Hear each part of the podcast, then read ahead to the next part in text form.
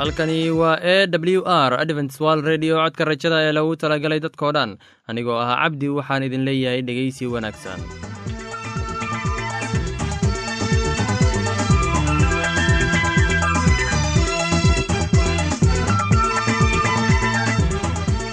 Barnaamijyadeena maanta waa laba qaybood. Qaybta kuwaad waxaad ku maqli doontaan barnaamijka nolosha qoyska. Kadib waxaa inoo raaci doonaa cashar inaga yimid bugga nolosha ee dhegeysi wacan kulanti wacan dhegaystayaal kuna soo dhowaada barnaamijkeennii nolosha qoyska oo aad xiliyadan oo kale aad hawada inaga dhegaysan jirteen.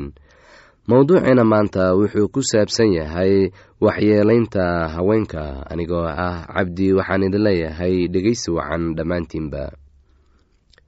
Waxyeelooyinka loo geysto haweenka waa mid maalin maalinta ka dambaysa sii kordhaysa gaar ahaan qaaradan afrika haweenka waxay rag badani u arkaan kuwo ka liita ragga oo ka hooseeya sidaa darteedna ay siday doonaan ka yeela haweenka.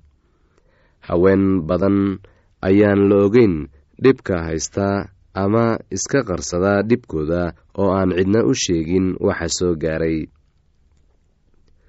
Waxaa loo baahan yahay in marka hore ay ragga qaarkood ay fahmaan in haweenku ay yihiin bini-aadam iyagoo kale ah loona baahan yahay in la xaq dhowro oo aan dhibaato iyo waxyeelo toona loo geysan. Waxaa meelaha qaar lagu arki karaa dalkeenna haween aan loo turin. Waxaad arkaysaa haweeney uur leh oo biyo dhaaminaysa ama beer falaysa halkii laga rabay in raggu ay hawsha culus ka dhaafaan haweenka gaar ahaan xilliyada ay uurka leeyihiin ama ay jiran yihiin. Waxaa mararka qaar dhacda in ay garaacaan haweeneydii uurka lahayd oo biyo dhaaminaysa ama howl kale haysa. Dabeecadahan waxay ku badan yihiin meelaha dhoobeyda ah oo raggu ay aad ugu shaqeeyaan haweenka una una iyagoon u naxariisan oo u taal sheegta mar walba. Sidoo kale ragga magaalooyinka jooga waxay iyaguna u itaal sheegtaan haweenka. Waxaan inta badan aragnaa haweenka oo shaah dariiqyada ku iibiya ama qaad iibiya iyagoo reerkooda biilaya.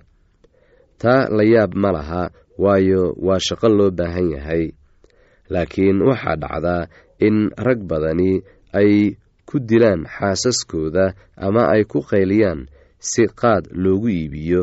Haddii aysan siinin lacag ay ku iibsadaanna ama qaadka aysan siinin ay markaa qaylo iyo dhibaatooyin u geysanayaan. Haddaba dhegaystow ku xadgudubka haweenka waa dembi weyn ilaah agtiisa waana in aan waajib ballaaran iska saarnaa dhowrista xuquuqda haweenka waayo waynala dhasheen oo wayna dhaleen waana aan la dhalanay. Rag inala mid ahna way la dhasheen. Ragga qaar ayaa qabaa in haweenku aysan inaba xuquuq lahayn ama u maleeya in ay ka liitaan. Runtii ragga iyo haweenka ilaah ayaa wada abuuray oo ilaah agtiisa way u wada siman yihiin. Ogow haddii aad xaqirto ruux haweenay ah inaad xaqirtay hooyada tii ku dhashay adiga. Ragga qaar ayaa si xun u garaaca haweenka oo dhaawacyo xunxun gaarsiiya. Qaar nafta ayay ka qaadaan qaarna way kubsadaan hadday doonaan. Halka qaar ay si xun ugu shaqeeyaan. Haweenka waa bini-aadan mana aha in si xuushnimo ah loola dhaqmo waana mid dembi ah xaqiraadda lagu hayo haweenka. Waxaan ognahay in haweenka ay galaan dembiyo balse ma aha in qaladka ay galaan qalad kale lagu gudo ama aan lays odhan cid kaa celin karta ma jirto. Sidaa darteedna sidaad doonto ka yeel ragga quman waa kuwa u naxariista haweenka oo u tura balse kan maangaabka ah ayaa ku xadgudba haweenka. Dad badan oo soomaali ah ayaa qabaa in gabdhuhu aysan wax faa'iido ah u lahayn reerka ay ka dhalatay balse qaba in ay ceeb u soo jiidayso.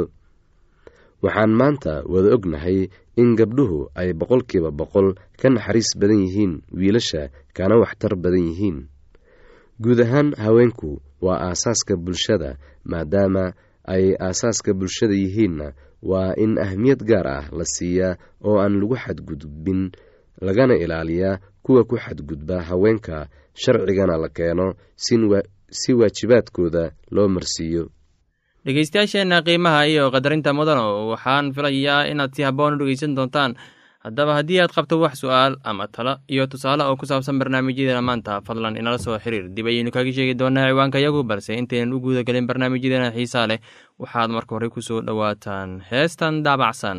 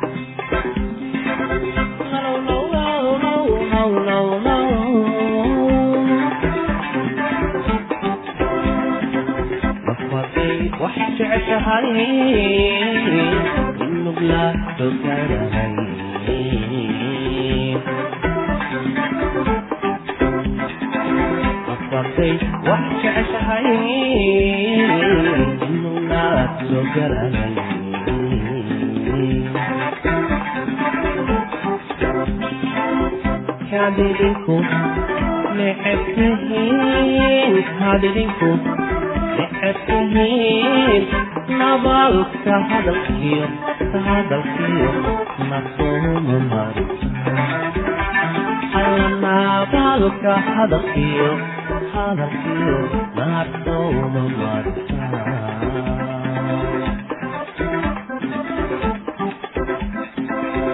How did it go? necabtihiin kadinku necabtihiin nabaalka hadalkiyo hadalkiyo nasouma marin nabaalka hadalkiyo hadalkiyo nasouma marinta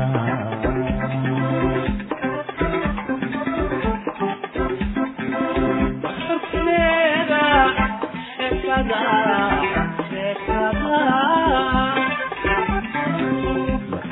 mesa se canara anigoon dadkuwa qaabil naxariis dadkuwa hayay anigoon dadkuwa qaabil naxariis waxba ku hayay naawilada naawilada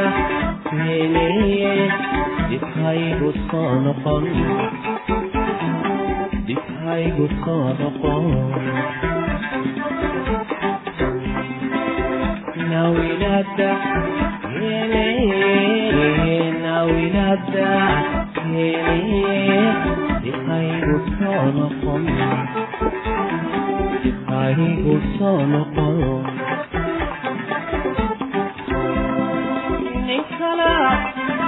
مدت های مدت نسلام مدت های مدت نده نده نده نده نده های نمت خانی بین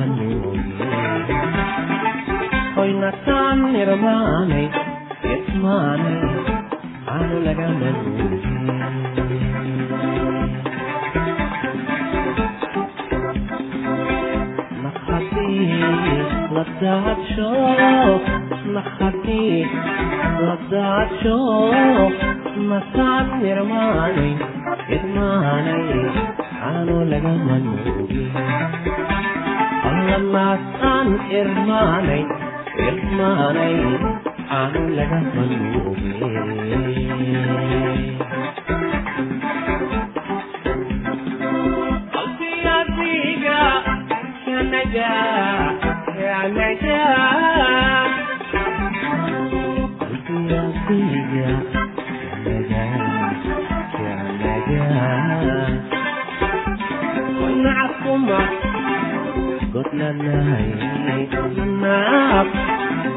hoyna mataqaanide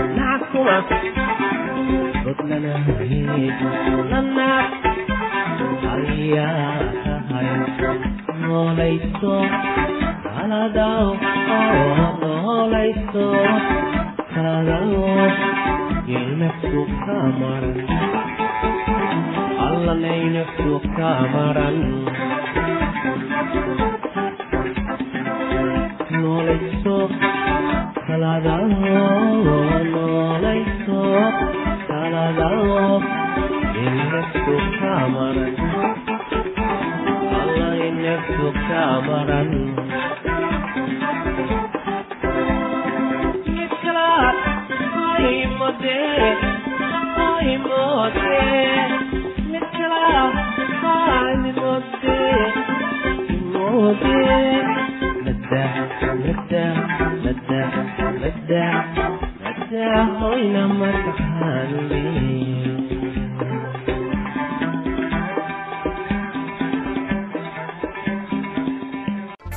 filayaa inaad ka faa'iidaysateen barnaamijkaasi. Haddaba haddii aad qabto wax su'aal ama tala iyo tusaale fadlan inala soo xiriir. Ciwaanka yagu waa codka rajada sanduuqa boosada afar laba laba todoba lix nairobi kenya. Mar labaad ciwaanka yagu waa codka rajada sanduuqa boosada afar laba laba todoba lix nairobi kenya. Imeilka yagu waa somali at a w r o r g. Mar labaad imeilka yagu waa somali at a w r o r g. Ama barta internetka ciwaanka yagu oo ah w w w codka rajada dot o r g mar labaad ciwaanka yagu waa w w w dot codka rajada dot o r g ama waxaad inagala soo xiriiri kartaan barta emesonka ciwaanka yagu oo ah codka rajada at hotmail dot com. Haddana kabawasho wacani heestanii soo socota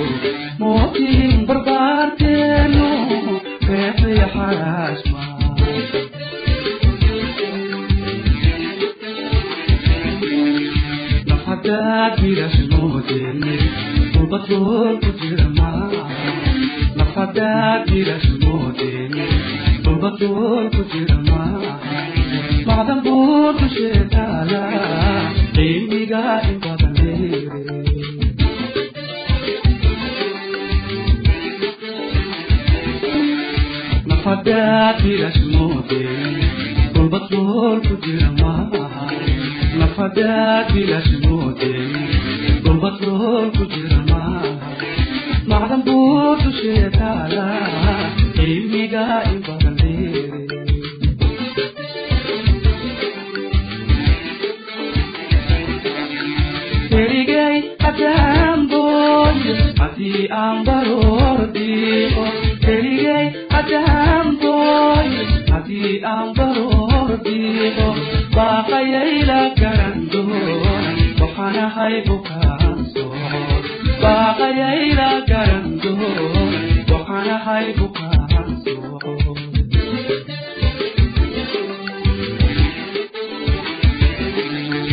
keligay haddaanbooy haddii aan bahoor diiqo keligay haddaan dooyo haddii aan bahoor diiqo baaqayayna garan dumoon waxaanahay bukaan suroon baaqayayna garan dumoon dhimayahow bulshada iiga quraha aan soo boobo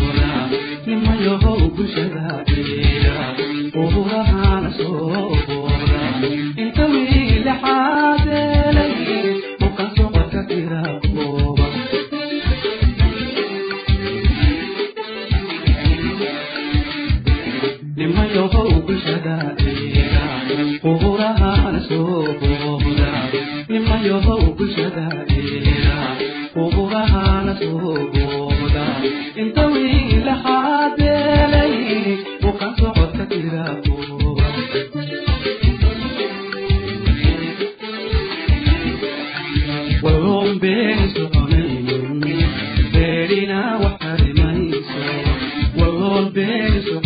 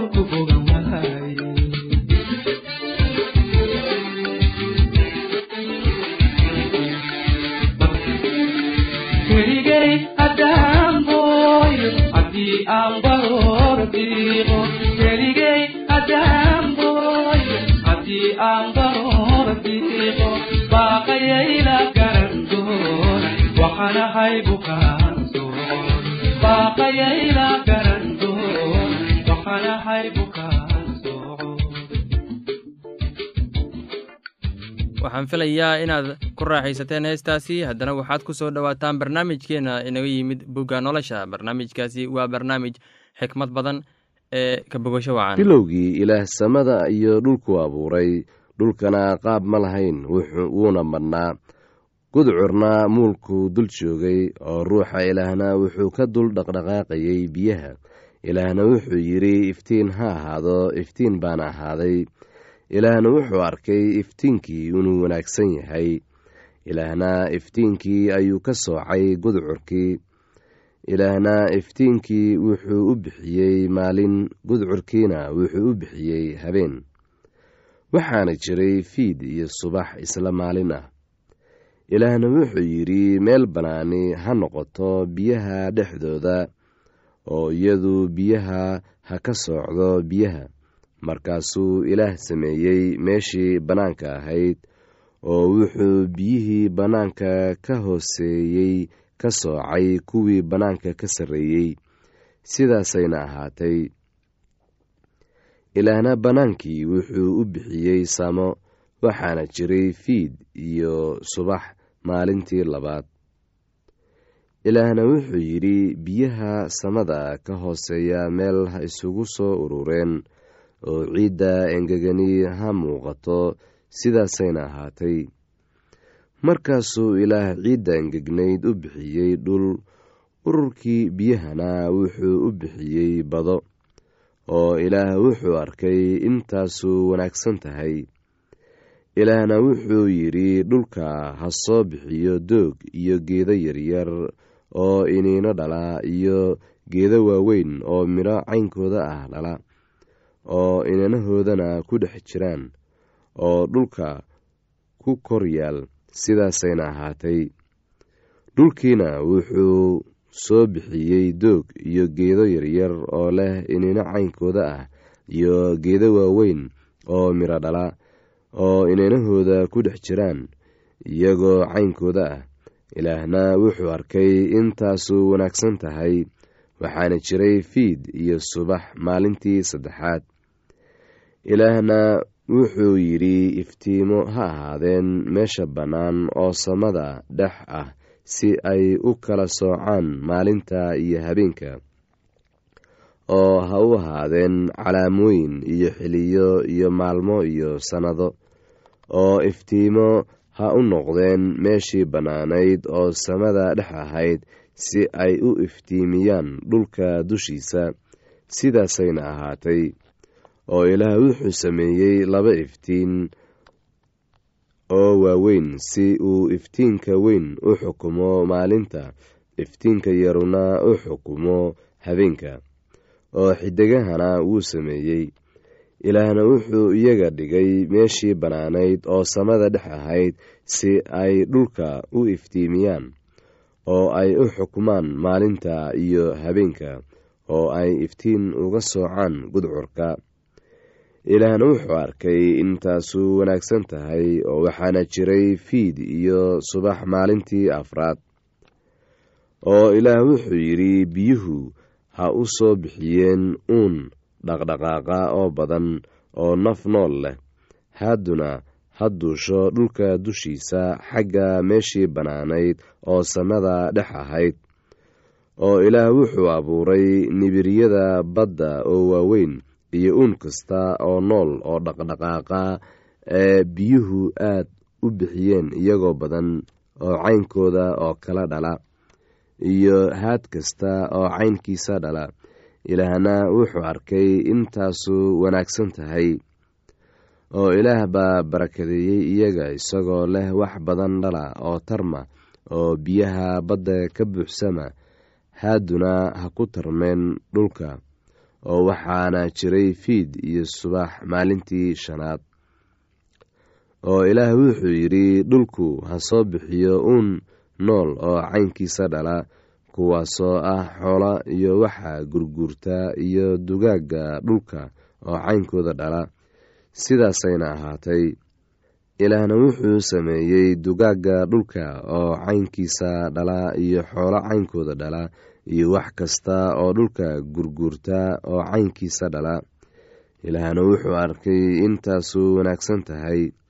Ilaahna wuxuu yidhi aan nin inoo eg ka samayno araggeenna oo iyagu ha xukumeen kalluunka badda iyo haadda hawada iyo xoolaha iyo dhulka oo dhan iyo waxa dhulka gurgurta oo dhan oo ilaah nin buu ka abuuray araggiisa ilaah araggiisa ayuu ka abuuray isaga lab iyo dhadig ayuu abuuray oo ilaah baa barakadeeyey iyaga oo ilaah wuxuu iyaga ku yidhi wax badan dhala oo tarma oo dhulka ka buuxsama oo ka sara mara dhulka xukuma kulunka badda iyo haadda hawada iyo wax kasta oo nool oo dhulka kor dhaqdhaqaaqa oo ilaah wuxuu yidhi bal eeg waxaan idin siiyey geed kasta oo yar oo iniino dhala oo ku yaal dhulka dushiisa oo dhan iyo geed kasta oo weyn kaasoo miro leh oo iniino dhala oo waxay idiin noqon doonaan cunto oo dugaag kasta oo dhulka jooga iyo haad kasta oo oo hawada duusha iyo wax kasta oo dhulka gurguurta oo naf nool leh ayaan geed kasta oo cagaar ah cunto u siiyey.